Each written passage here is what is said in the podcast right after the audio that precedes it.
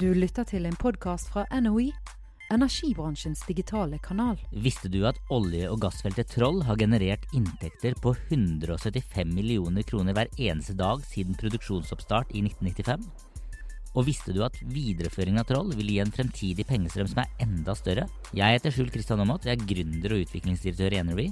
Jeg var til stede på kontoret til olje- og energiminister Kjell Børge Freiberg da han overrakte en stor, hard gavepakke til Torge Rød, prosjektdirektør i Equinor. Energibransjens ukeslutt presenteres av ledige stillinger på NOE.no.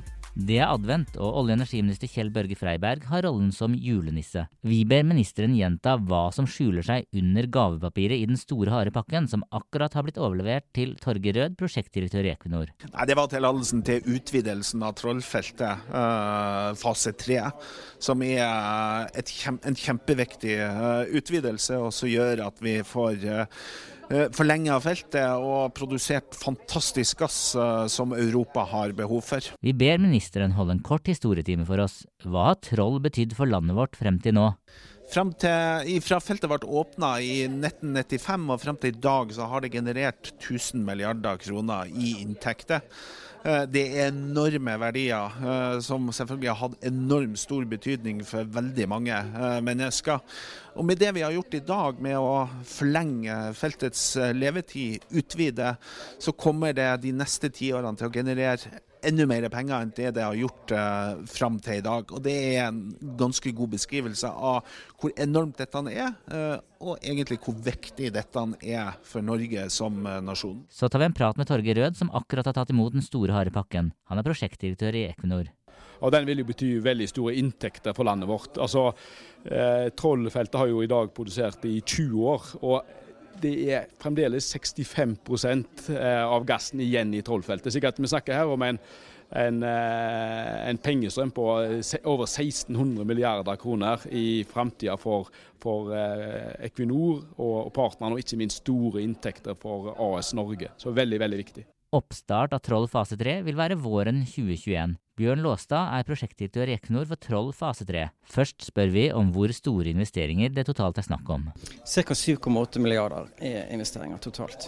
Så spør vi om hvor stor andel av dette som vil tilfalle norske leverandører. Ja, Vi har regnet ca. 70% av våre kontrakter går til norske leverandører. Vi i Envy er mye ute og prater med norsk leverandørindustri. Equinor har en veldig god lønnsomhet, og en stor andel av leverandørindustrien mener at dette ikke handler om at Equinor har blitt så veldig dyktige, men at kostnadskuttene først og fremst rammer leverandørindustrien. Vi har pratet med flere som forteller at de nå må levere tilbud der de taper penger på oppdrag for Equinor, men alternativet er bedre enn å gå helt på tomgang. Vi spør Siv Irene Skadsem, direktør for Brownfield and Tiebacks i Equinor, om hva hun tenker om dette. Jeg tenker at vi må være konkurransedyktige hele veien, da. også norsk leverandørindustri. Og så altså er det å få konkurranse og få de bærekraftige disse feltene som vi har, og få økonomi i de. Og det tjener jo både leverandørindustrien på og vi på.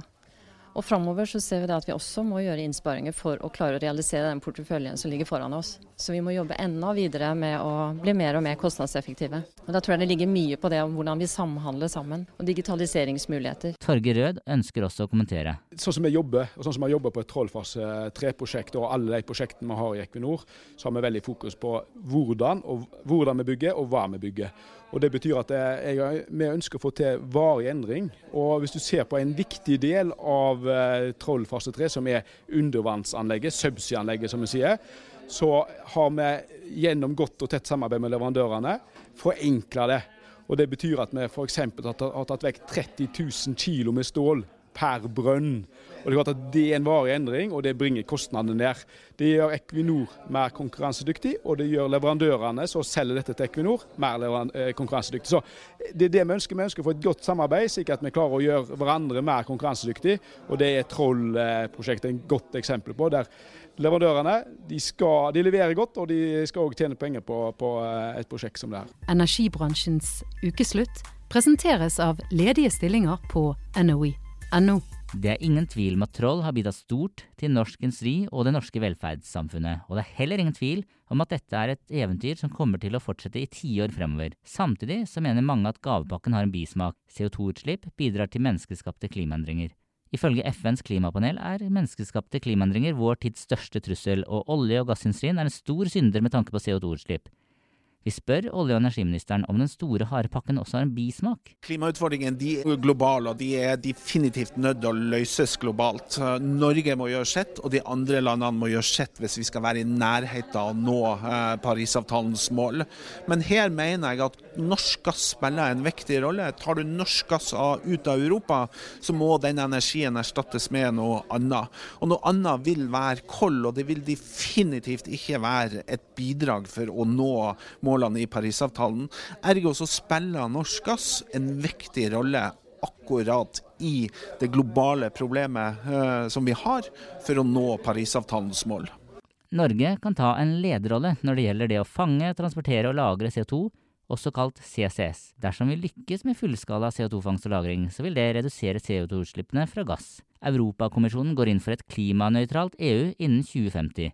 I strategien understrekes det at klimanøytralitet innen 2050 er nødvendig dersom man skal lykkes med målet om å begrense temperaturøkningene til 1,5 grader. Vi spør olje- og energiministeren om han tror på en fremtid for norsk gass dersom vi ikke lykkes med fullskala CO2-fangst, transport og lagring. Det uh, er det framtida som må bevise. Vi jobber uh, knallhardt uh, med våre CCS-prosjekt. og jobber det nå fram til investeringsbeslutning.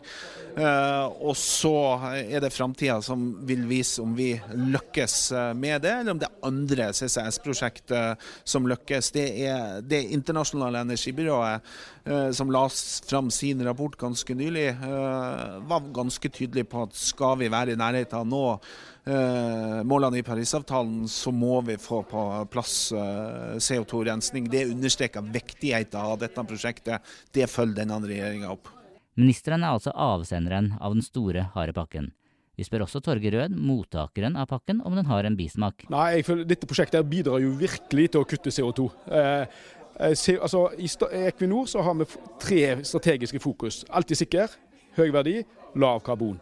Og på Troll fase 3 så har vi et energifotavtrykk på 0,1 kilo per fat, som er ekstremt lavt. Jeg tror globalt så er gjennomsnittet 17,6 kilo. Så det, Troll er ren energi, langsiktig energi, som er utrolig viktig i forhold til det å møte ambisjonen en har for å redusere CO2-utslippet. Så Troll er et kjempesteg i riktig retning i denne sammenheng. Nå er ikke jeg sikker på at alle miljøvernorganisasjonene er helt enige med Kjell Børge Freiberg og Torge Rød, men det får vi ta i en annen podkastepisode. Energibransjens ukeslutt presenteres av ledige stillinger på NOE.no.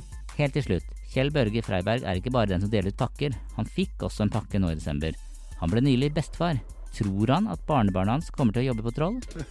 ja, det vil jo, det vil jo være fremtida som uh, beviser det. Men uh, det, det, det, gir jo en mulighet. Uh, og det er kanskje det aller viktigste. dette skaper muligheter for mitt barnebarn som ble født i går. Eh, de som eh, blir født i dag og i årene framover også kommer selvfølgelig dette feltet til å ha betydning sett i forhold til den verdiskapninga eh, det har på ene sida. Og så vil det selvfølgelig være behov for arbeidskraft. Det er ingen tvil om at olje- og gassindustrien har vært et fantastisk eventyr for oss som bor i Norge. Landet vårt kommer også til å hente store inntekter fra olje og gass i tiår fremover. Så er spørsmålet når og hvordan vi skal komme oss helt over i et fornybarsamfunn. Du har nå lyttet til en podkast fra NOE, energibransjens digitale kanal.